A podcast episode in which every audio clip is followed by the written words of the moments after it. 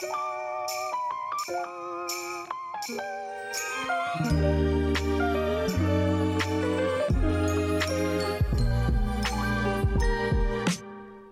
bij Rumbo Norte, de podcast die je wegwijs maakt als je het noorden wat kwijt bent en je begeleidt in je innerlijke reis naar persoonlijke groei.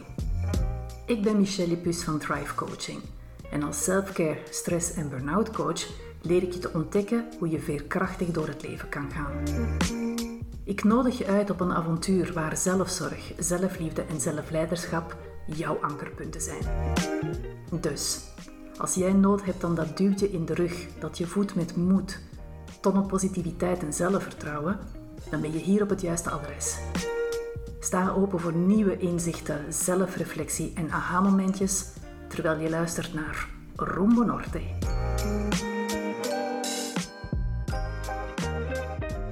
Hallo lieve luisteraar en welkom bij aflevering 10 van Rumbo Norte. In deze aflevering ga ik een gezellig praatje houden met een bijzondere gast op een heel bijzondere locatie. Mijn gastspreker voor deze aflevering is mijn business buddy Nathalie Silman van Simplicity Coaching. Zij is ook eventmanager bij JobOn en de host van de podcast Word Weer Eigenbaas. Ik leerde Nathalie kennen in 2018 tijdens een coachopleiding en die heet de Nieuwe Coachopleiding. Ik ben toen van start gegaan in september en wij hadden op Facebook een oefengroepje dat heette Het Septembergroepje. Nathalie die was al gestart in juni, maar die had helemaal niemand waar dat ze eigenlijk de oefeningen mee kon oefenen. En zo kwam haar oproep in het septembergroepje of ze mee mocht aanschuiven, ook al was ze al maanden daarvoor begonnen met de opleiding. Uiteraard hebben we gezegd dat ze van harte welkom was. En vandaag de dag ben ik echt heel blij dat Nathalie uh, niemand had om die oefeningen mee te doen. Want anders had jij nooit de uh, oproep gedaan in het septembergroepje om mee te mogen aanschuiven. Ja, dat klopt. Wij hebben de hele opleiding heel regelmatig gespart. En ook met de specifieke coachoefeningen aan de slag gegaan. En eerst onze opleiding rond was, dan hadden we nog wel af en toe wat contact, maar dat verwaterde wat. En dan kwam corona. En we zaten allemaal in dezelfde situatie. We mochten de deur niet uit.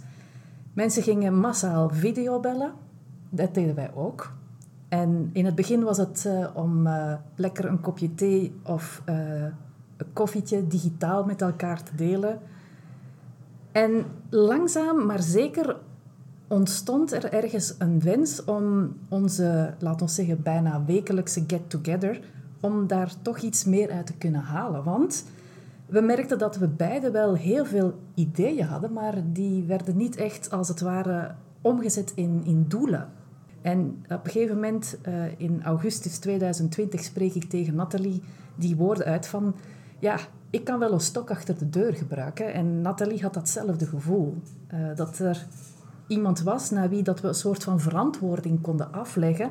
Dat we nu echt concrete stappen gingen zetten om onze coachbusiness uh, verder uit te, te breiden. En sinds ja, september 2020, ja, ik zeg het juist, hebben we dus wekelijks met elkaar contact gehad specifiek rond hoe we onze business willen verder zetten, maar ook wanneer we persoonlijk tegen iets aanliepen, dat we veel sneller uit die situatie konden komen, dat we niet te lang bleven hangen in, in zaken die misschien veel um, energie van ons uh, vroegen en, en waar dat je van het gevoel had van hier wil ik toch sneller kunnen uitgaan. Dus het is zowel privé, maar ook naar business uh, toe een, een heel groeiproces geworden. En um, successen of de stappen die je vooruit zet, de successen die je maakt, die moet je vieren. Absoluut. En als je dat zegt, dan moet je dat ook doen. Dus hadden we afgesproken, september 2021 komen we samen en gaan we dat vieren. We zijn niet september 2021, het is iets later, maar ook niet veel later. Maar we hebben wel uh, woord bij de daad gezegd. Daad bij het woord. Daad bij het woord, precies. Dankjewel, Nathalie. Um, en uh, ja, ik ben dan helemaal van uh, Mechelen naar Amsterdam gereden. En Nathalie is van het noorden van Nederland, uit Drenthe, ook naar Amsterdam gekomen. En hier zitten we dan, in een super mooie locatie. Ik vind het zo jammer dat we het niet kunnen laten zien. Maar als je misschien eh, ons volgt op Instagram, dan gaan we in de story zeker en vast nog heel wat eh, beelden delen van die mooie locatie waar we nu deze opname doen. Het kan zijn, het kan zijn. Het kan zijn. Het kan zijn dat je af en toe wat uh, geluid op de achtergrond hoort. Gezellig omgevingsgeluid, want we zitten hier naast een, een, een hele mooie roze bar. Um, we hebben de deuren wel dicht gedaan, maar het kan wel zijn dat je misschien af en toe een beetje uh, het omgevingsgeluid kan horen. Hopelijk vind je het niet te erg. Nathalie, van harte welkom bij deze speciale aflevering, aflevering 10. Dankjewel Michelle. Superleuk om deze aflevering samen op te nemen in deze prachtige locatie. Ja, het is echt uh, heel, heel mooi hier. En het inspireert ons ook beiden. Uh, van in zo'n grote ruimte met elkaar een, een gezellige babbel te kunnen doen met een kopje koffie. En ook naast elkaar in plaats van ja. uh, voor een scherm. Precies, zonder mondmasker. Ook nog eens. Ja, met de nodige afstand weliswaar. Ja. Nathalie, op jouw LinkedIn-profiel staat dat jij groeicoach bent. En jij begeleidt mensen op tal van manieren in hun groeiproces. En dat zowel professioneel, maar ook op persoonlijk vlak. Maar jouw groeiproces is ook wel heel bijzonder. Dat klopt. Kan je daar wat meer over vertellen? Ja, ik had tot op de dag van vandaag niet gedacht dat ik zo ver zou komen. Uh, toen ik 12 was, zag mijn leven er heel anders uit dan dat ik nu was. Ik kreeg namelijk te horen dat ik ervan uit moest gaan dat ik nooit weer zou kunnen lopen. En als ik tot op de heden van vandaag kijk en terugkijk, denk ik: jeetje, wat is daar voor groeimogelijkheden en kansen geweest? En wat is het lastig geweest, maar toch ook heel een mooie reis. Inmiddels zijn we 25 jaar verder.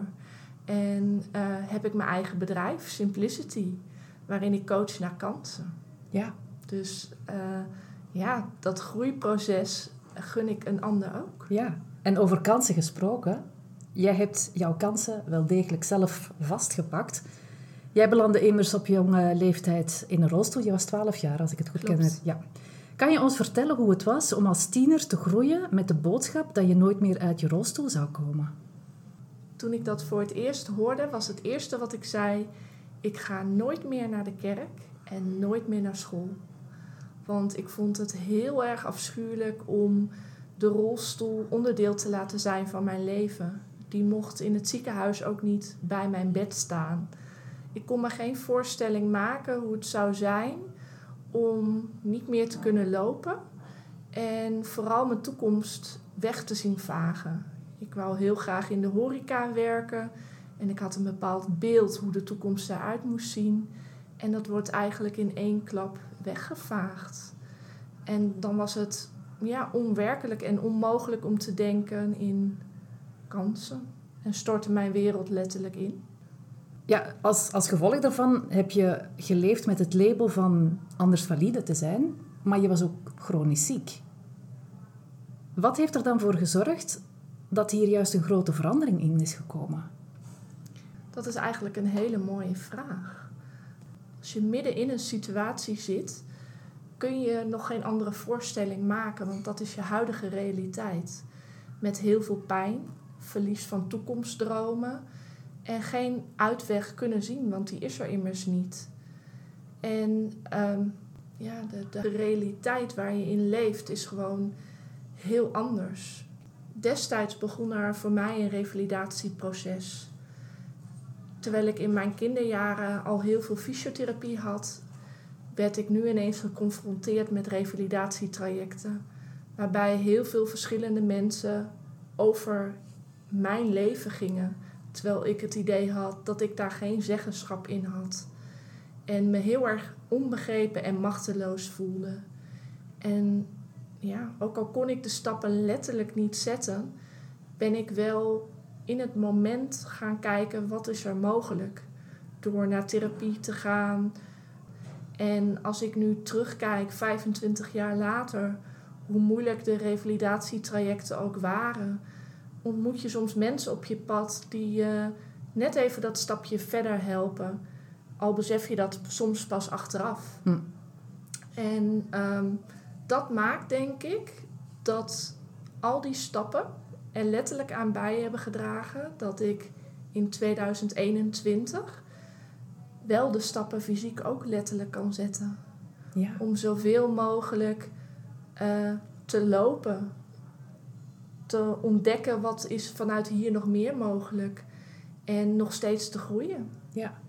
Ik denk dat voor heel wat mensen het moeilijk is om te kunnen vatten dat als je op jonge leeftijd, je bent dan tiener, te horen krijgt van jij komt nooit meer uit die rolstoel. Ehm, dat is al één gegeven, maar ook de fysieke pijn die daarbij hoort, want dat is iets dat niet altijd zichtbaar is bij jou. Nee, dat klopt. Uh, want ik kan me nog herinneren dat er momenten waren um, dat we in gesprek waren en dat ik het helemaal aan jou niet kon zien, maar dat je dan vertelde dat op een schaal van 1 tot 10, dat is me zo bijgebleven, dat jouw pijn op dat moment een 7 was. En dat was met medicatie. En uh, dat sloeg bij mij wel ontzettend hard binnen, um, omdat ik toen dacht van wauw, allemaal te kunnen doen wat Nathalie doet, met de beperkingen waar ze dagelijks mee te maken heeft, en de pijn, en toch nog te kunnen doorzetten en te zeggen van um, ik wil hier het beste van maken. Ik denk dat dat op zich al een, een hele mooie boodschap is voor iedereen. Dat ongeacht wat jouw situatie is, dat als jij de wil hebt, dat je de mooiste en grootste zaken kan, kan verwezenlijken. Ja, absoluut. Ja, wat was mijn eerste reactie? Ik ga nooit meer naar school. En uiteindelijk besloot ik, op schoolprestaties heb ik wel invloed, op mijn lichaam niet. En zo heb ik dat ook echt ervaren. Als ik maar genoeg studeer en genoeg mijn best doe, dan verdien ik deze kans in de maatschappij. Dan heb ik diploma's, dan tel ik mee. En zo heb ik heel lang eigenlijk geleefd. Om van moment naar moment, maar niet zoals in de huidige realiteit er ook van te genieten, maar eigenlijk een kwestie van overleven. En uh, bezig te zijn met wat een ander vindt en wat een arts daarvan vindt. Kunnen we zeggen dat je regelmatig een wake-up call hebt gehad? Ik herinner me nog een verhaal waar we zo hard mee hebben lachen, moeten lachen. En dat was helemaal niet de bedoeling om jou uit te lachen. Maar ik hoor het jou zo vertellen dat je tijdens het uh, uh, rolstoelbasketbal een basketbal tegen je hoofd had gekregen. Uh, en dat was uh, letterlijk jouw wake-up call. En toen heb je op een korte periode wel een aantal zaken gehad. Hè. Je was een keer van de trap gevallen, dan die basketbal. Jij hebt toen op een hele korte periode wel een aantal wake-up calls gehad. Nou, als ik die wake-up calls stel, ja. uh, had ik de wens om eerder te luisteren. maar ja, daarvoor moest ik um, ook nog eens een auto-ongeluk meemaken. Ehm, moest ik bepaalde keuzes maken door echt voor mezelf te kiezen. En inderdaad, uh, ja, tot twee keer aan toe een basketbal tegen mijn hoofd. Uh, ja, dat was wel een dingetje, ja. Ja, en als er nu één ding is waar deze podcast voornamelijk om draait, dan gaat het over zelfzorg en zelfliefde. Je gaf het al aan. Had ik maar eerder geluisterd. Geluisterd naar wat? Naar je lichaam, naar je gedachten, naar wat? Uh, ja, vooral ook naar mijn lichaam. Mijn lichaam deed natuurlijk lange tijd niet wat ik wou. Zat me eigenlijk mezelf alleen maar in de weg. Uh, lopen, wat voor heel veel mensen vanzelfsprekend was, was voor mij dagelijks een dilemma. Uh, daarbij nog uh, ja, het overgewicht wat ik meedroeg. alles ging ervan uit wat er niet goed ging. En heel eerlijk, ik kom echt vanuit een periode elektrische rolstoel meer in bed liggen dan dat ik wat kon. En inmiddels zit ik hier met jou aan tafel en uh, gaan we straks lekker uh, een wandeling maken. Weliswaar ik vanuit de rolstoel en jij lopend, maar uh, zie me maar eens bij te houden. ja. Dus ja, wat is daar de verandering in geweest? Ik ontdekte dat, ik denk dat het in 2014 was. Um, dat ik deze plek in deze maatschappij verdien omdat ik Nathalie ben. En niet hoe hard ik gestudeerd heb of hoe hard ik al die jaren probeerde te bewijzen wat ik kan, ondanks beperkingen. Maar dat ik ertoe doe. En dat was echt zo'n eye-opener. En uh, ja, toen was het niet meteen bam, een toverstofje uh, die uh, ervoor zorgde dat ik weer veel meer kon. Maar nu ook is in mijn bedrijf mijn motto: uh, de situatie kan ik wellicht niet veranderen, maar wel hoe ik hiermee omging. Ik begon te beseffen dat ik niet alleen mezelf tekort deed, maar ook een ander om van mij te kunnen houden. En uh, dat hulp vragen voor mij net zo vanzelfsprekend mag zijn als voor een ander voor wie ik heel uh, graag zorg of van wie ik heel erg hou. Ja. En ben ik gaan zien dat om van iemand te kunnen houden, en het is een cliché, maar je eerst van jezelf dient te houden. En ik denk dat dat beetje bij beetje het besef kwam van, oh, maar ik mag er zijn en welke, uh, ja, wat wil ik nu heel graag? En los van uit de rolstoel komen, waar word ik dan blij van? En ja, zo begon het eigenlijk om te investeren in mezelf. En niet zozeer qua financiën, maar mezelf kunnen toestaan als alleenstaande moeder eens een keer met een vriendin af te spreken.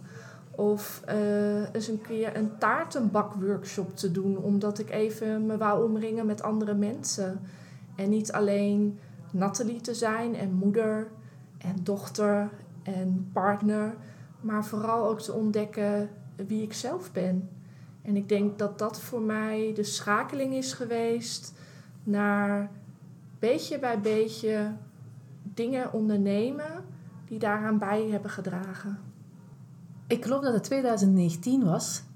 Dan heb je ook nog weer een uitspraak gemaakt. Je hebt zo verschillende uitspraken gemaakt die bij mij altijd zullen bijblijven. Ik neem ontslag van chronisch ziek zijn. Dat klopt. En dat was bij het uh, opstarten van jouw zelfstandige activiteit, wat een, weet ik nog tijdens 2018, dat we daar heel sterk op, op uh, gecoacht hebben. Want je was er niet zeker van of dat je wel iets kon betekenen voor andere mensen. Nee. Alhoewel dat andere mensen jouw potentieel wel zagen, maar jij zag het van jezelf niet. Ik kan me nog herinneren dat je naar de, naar de Kamer van Koophandel uh, bent gegaan voor de registratie. En uh, dat je nog zei van, ooit ga ik denken van, hoe ja, stom is het eigenlijk dat je er zo een getoe van gemaakt hebt. Maar dat was voor jou eigenlijk al een eerste grote stap. Ja, absoluut. mijlpaal, als het ware. Ja, en nog steeds als ik daarover nadenk of over heb, um, kan ik dat gevoel weer oproepen. Want het heeft een hele mooie beslissing met zich meegebracht. De eerste stappen om te geloven dat het mogelijk is om zonder Wajong-uitkering mijn uh, leven te leven.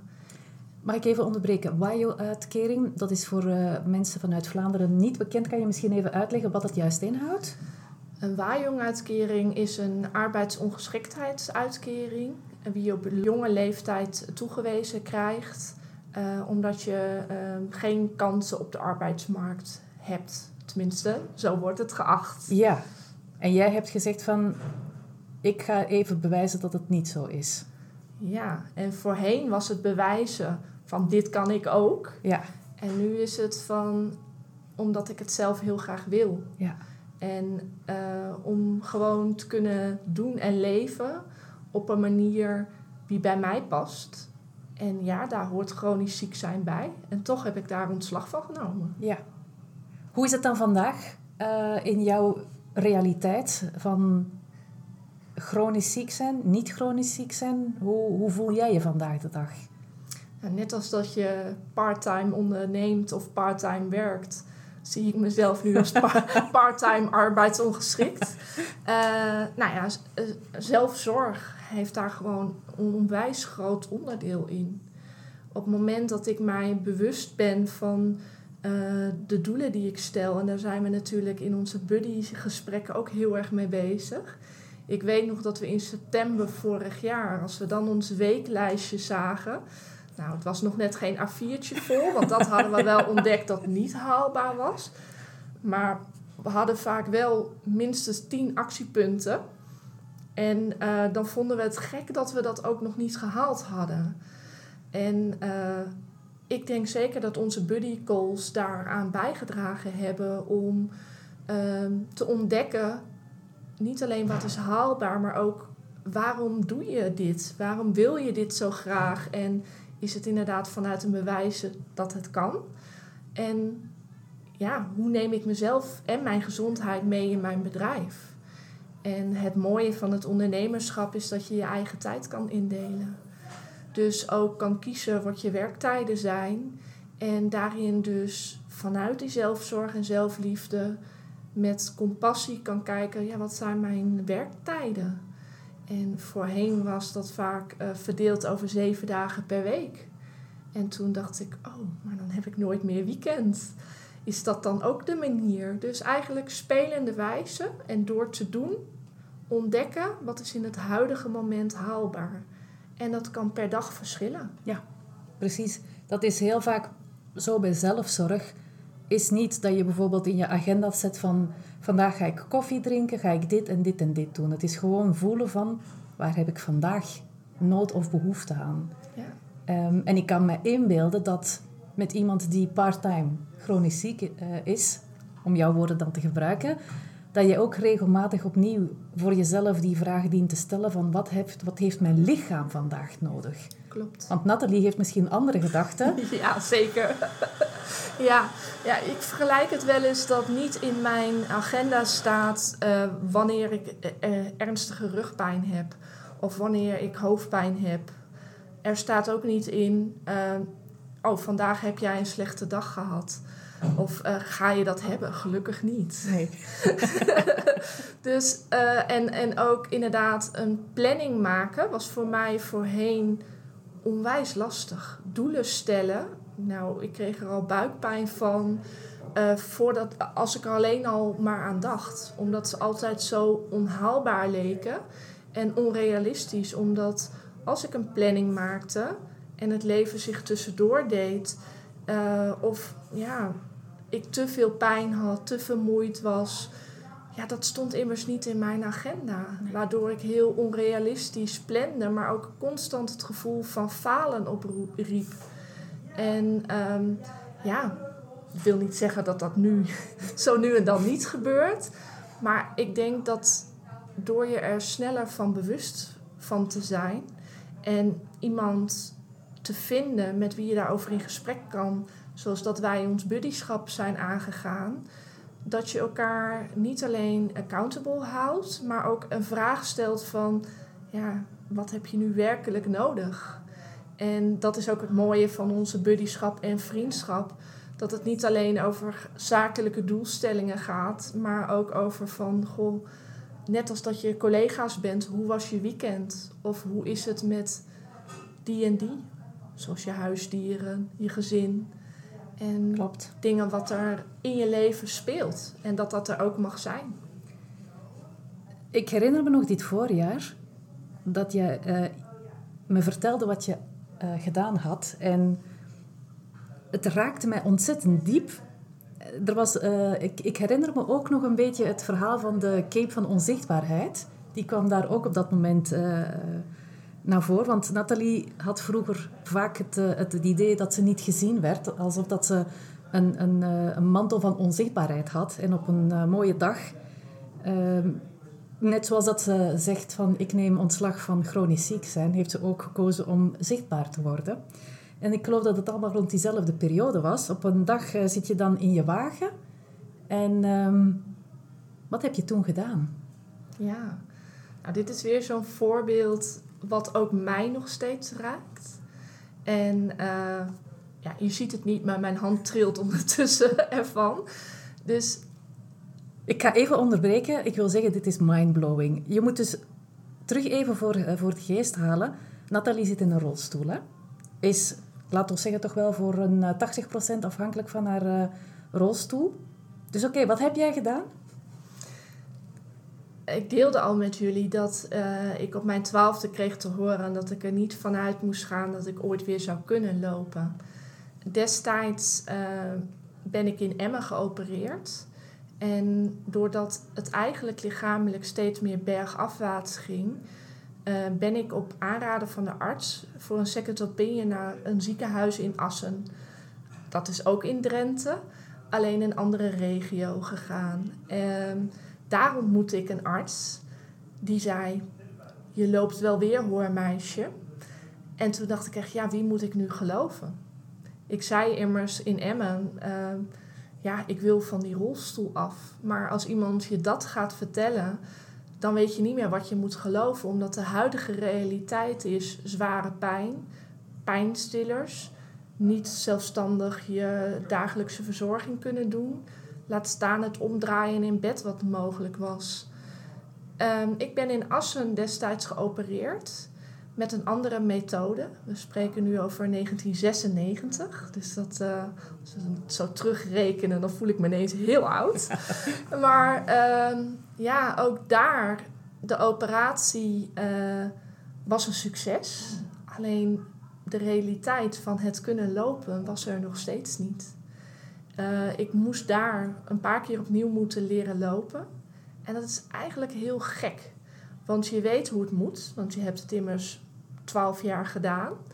En als baby is het natuurlijk ook vallen en opstaan. Maar als 12-jarige vallen en opstaan houdt het vallen in dat je verder van huis bent. Dus de angst die daarmee gepaard gaat. En ik denk dat dat iets is wat me heel lang in de greep hield. En ja, je zei het al, op een dag uh, in 2021 reed ik in mijn auto en ineens dacht ik, ik moet naar het ziekenhuis van Assen. En toen dacht ik, hoezo moet ik daar naartoe? Nou, ik besloot tegen dat stemmetje maar te luisteren, niet er tegen in te gaan. En ik stond daar op de parkeerplaats zonder te weten wat ik moest doen. En toen stond ik daar en toen zei die van, uh, die zeg ik, dat stemmetje in mijn hoofd zei van, ja, ga maar naar binnen. Nou, destijds was de corona nog steeds aanwezig. Dus allerlei gedachten zoals, ja, maar uh, ik mag niet zomaar naar binnen. Heb ik een mondkapje? Uh, nou, allerlei gedachten waren er. En ik besloot om naar binnen te lopen. En, zonder jouw stoel? Zonder mijn stoel. En uh, te zien hoe ver ik kwam. De portier groette mij netjes. En het was heel gek om daar weer aanwezig te zijn. Um, te kijken van, hé hey, ja, dit herken ik nog. En ik wist nog steeds niet wat ik daar ging doen. Nou, het feit dat ik daar lopend zonder kruk weliswaar ook nog eens naar binnen ging, uh, ja, deed iets met me. En ineens was het, ging ik naar het toilet, want ik was op een gegeven moment, ik weet niet of je het nu in mijn stem ook hoort, begon ik echt uh, nou, een beetje te hyperventileren. Van wat doe ik? Ik was vanaf de invalide parkeerplaats naar het toilet in het ziekenhuis gelopen. Iets wat ik nooit had gedacht te kunnen. Maar het ging een stapje verder. Ik werd uitgenodigd door dat stemmetje in mijn hoofd om naar de orthodont, nee, hoe, hoe heet je? Orthopedie te lopen, zo heet het. Maar ik wist niet waar dat was. Ik besloot te gaan lopen en ineens dacht ik: oh, hey, hier is een bordje. En er was een schoonmaakster en ik dacht: oh, die gaat mij nu wegsturen. Maar ineens vroeg ik: weet u ook waar die afdeling is? En toen stond ik daar ineens in de wachtruimte. En had ik zoiets van: oh, ja. En ik liep even om het hoekje. En ineens kwam een gevoel over me van: ja, hier zijn gesprekken gevoerd die mijn leven getekend hebben. Die, uh, waardoor ik beslissingen heb genomen. En ik ben omgedraaid en ik ben weggelopen. Ik heb het daar gelaten. En toen liep ik een stukje verder. En in de coronatijd, ik weet niet hoe het bij jullie in de ziekenhuizen zit, maar heb je looproutes? Ja, precies. Um, en daar stond letterlijk, liep ik dus over een looproute. Nou, en toen moest ik zo hard lachen dat ik dacht, jeetje, wie had dat gedacht? En ik ben daar het ziekenhuis uitgewandeld met tranen over mijn wangen. En ja, met de boodschap van ja, je, je, zou nooit weer kunnen lopen. Maar kijk nu, 25 jaar later, het heeft eventjes geduurd, maar ik ben daar het ziekenhuis uitgelopen. En dat was zo'n bijzondere ervaring. En tevens kwam ik bijna niet tot de auto, want uh, ja, mijn lichaam vond er ook wel wat van. Uh, daarna heb ik er best wel last van gehad. Maar het feit uh, ik denk ook dat dat het punt was dat ik besloot, ik ben al zoveel verder dan ik dacht. Wat is er vanuit hier nog meer mogelijk? En dat ben ik nu aan het ontdekken. Ja. Ja, inderdaad. Coachen naar kansen. Dat is de slogan van, van jouw coachpraktijk. En je bent voor mij de belichaming van kansen. En ze te grijpen en uh, te zien van hoe, hoe, hoe draait het uit. Van we zullen het even proberen en we zien dan wel verder. Ja. Ondanks het feit dat je misschien af en toe wel dat stemmetje in je hoofd kan hebben, dat daar ook een mening over kan oh, hebben. Ja, die tet het wel hoor. Daar hoeven we niet bang voor te zijn. Maar ik denk dat alles valt of staat met een, een, een keuze te maken. Van het anders te willen, maar nog niet te weten hoe. En dus op ontdekkingsreis te gaan. Het leven is eigenlijk een lange schakel van bijzondere groeimomenten. Waarin wil jij nog graag groeien? Jeetje. Nou ja, ik ben 1,85, dus qua lengte hoef ik niet meer te groeien. En we hadden het natuurlijk uh, al eventjes over mijn onzichtbaarheidscape. Uh, ik denk dat ook al valt die zo nu en dan af, uh, ik hem toch weer terug opdoe. dus ik zou mezelf gunnen om vanuit mezelf gewoon zichtbaar te durven zijn en mijn ervaring te delen, mensen mee te nemen in hun ondernemersreis. En ook te laten ervaren, ook al kunnen ze nu vanuit hun huidige situatie nog niet zien waar ze naartoe kunnen gaan, om dat met elkaar stap voor stap te doen.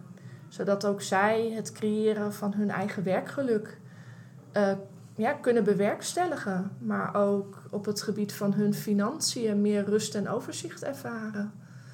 En daarin hun gezondheid, uh, zelfzorg en ja, stap voor stap ontdekken hoe waardevol wij allemaal zijn en van betekenis kunnen zijn. Hmm, mooi. Zoals je weet, ik vind quotes heel inspirerend, heel bijzonder. Heb jij een quote die van toepassing is op jouw leven en in deze aflevering zou kunnen passen? Ik moest daar even over nadenken, want ik hou ook van quotes. En toevallig zag ik deze week weer een quote voorbij komen.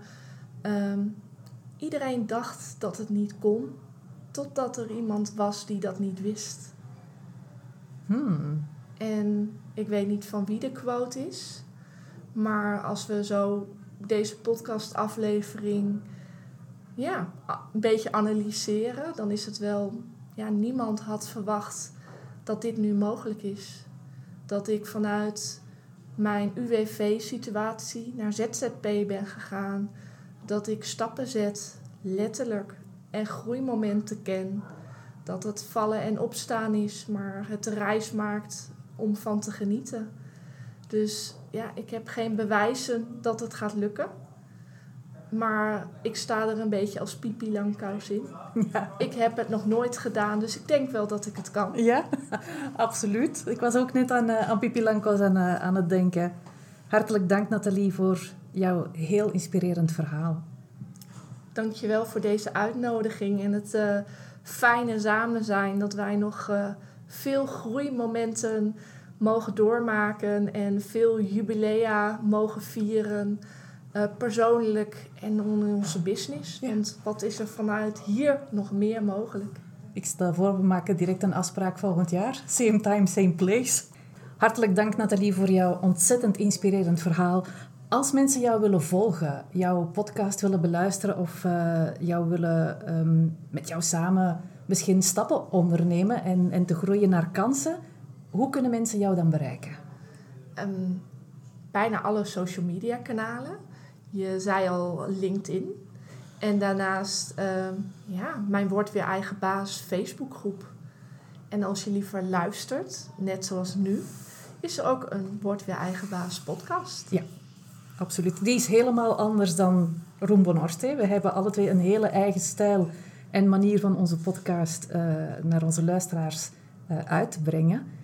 Um, dit gezegd zijnde, als er iemand is die graag ook een verhaal wil delen, laat het dan gerust weten, want soms kan het zo waardevol zijn dat mensen eens een verhaal van iemand anders horen. Want ik kan jou natuurlijk wel van alles en nog wat vertellen, maar ik denk dat het echt tot leven komt wanneer andere mensen ook hun verhaal uh, kunnen en, en durven te doen, want het is niet altijd evident. En ik ben hiervoor op zoek naar iemand die een verhaal wil delen over zichzelf te durven en mogen zijn. Wat een hot topic is. Um, dat we eindelijk terug wat meer ruimte krijgen om onszelf te mogen zijn. In welke hoedanigheid dat dat dan ook is. Of dat nou te maken heeft met gender, identiteit of, of andere zaken. Uh, dat we um, meer zijn dan alleen maar een label dat op ons gekleefd wordt. Uh, en dat we in die authenticiteit mogen gaan, gaan stappen. Dus als jij een verhaal hebt dat zeker en vast delen, uh, delen waard is, um, stuur me dan zeker vast een mailtje. Je vindt al de informatie terug in de omschrijving van deze aflevering. Evenals alle informatie om met Nathalie ook in contact te komen. En dan is deze aflevering een iets langere aflevering dan normaal, maar die zit er deze keer op. Wij wensen jullie nog een hele fijne dag of een avond, afhankelijk wanneer je naar deze podcast luistert. En graag tot een volgende aflevering. Tot dan. Tot dan.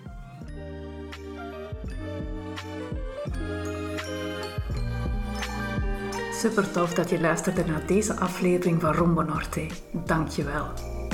Werd je geïnspireerd door deze aflevering? Of ken je iemand die ook interesse heeft in persoonlijke ontwikkeling op een down-to-earth manier? Het delen mag altijd. Laat een beoordeling of review achter op de app waarmee je naar deze podcast luistert, bijvoorbeeld iTunes. Het achterlaten van een review is heel eenvoudig. Scroll naar beoordeling en recensie en laat een beoordeling achter of vertel anderen waarom jij deze podcast leuk vindt. Zo maak je het mogelijk dat anderen de weg naar deze podcast ook zullen vinden. En wil je graag weten wanneer er een nieuwe aflevering van Rombo Norte beschikbaar is? Dan kan je je ook abonneren op deze podcast.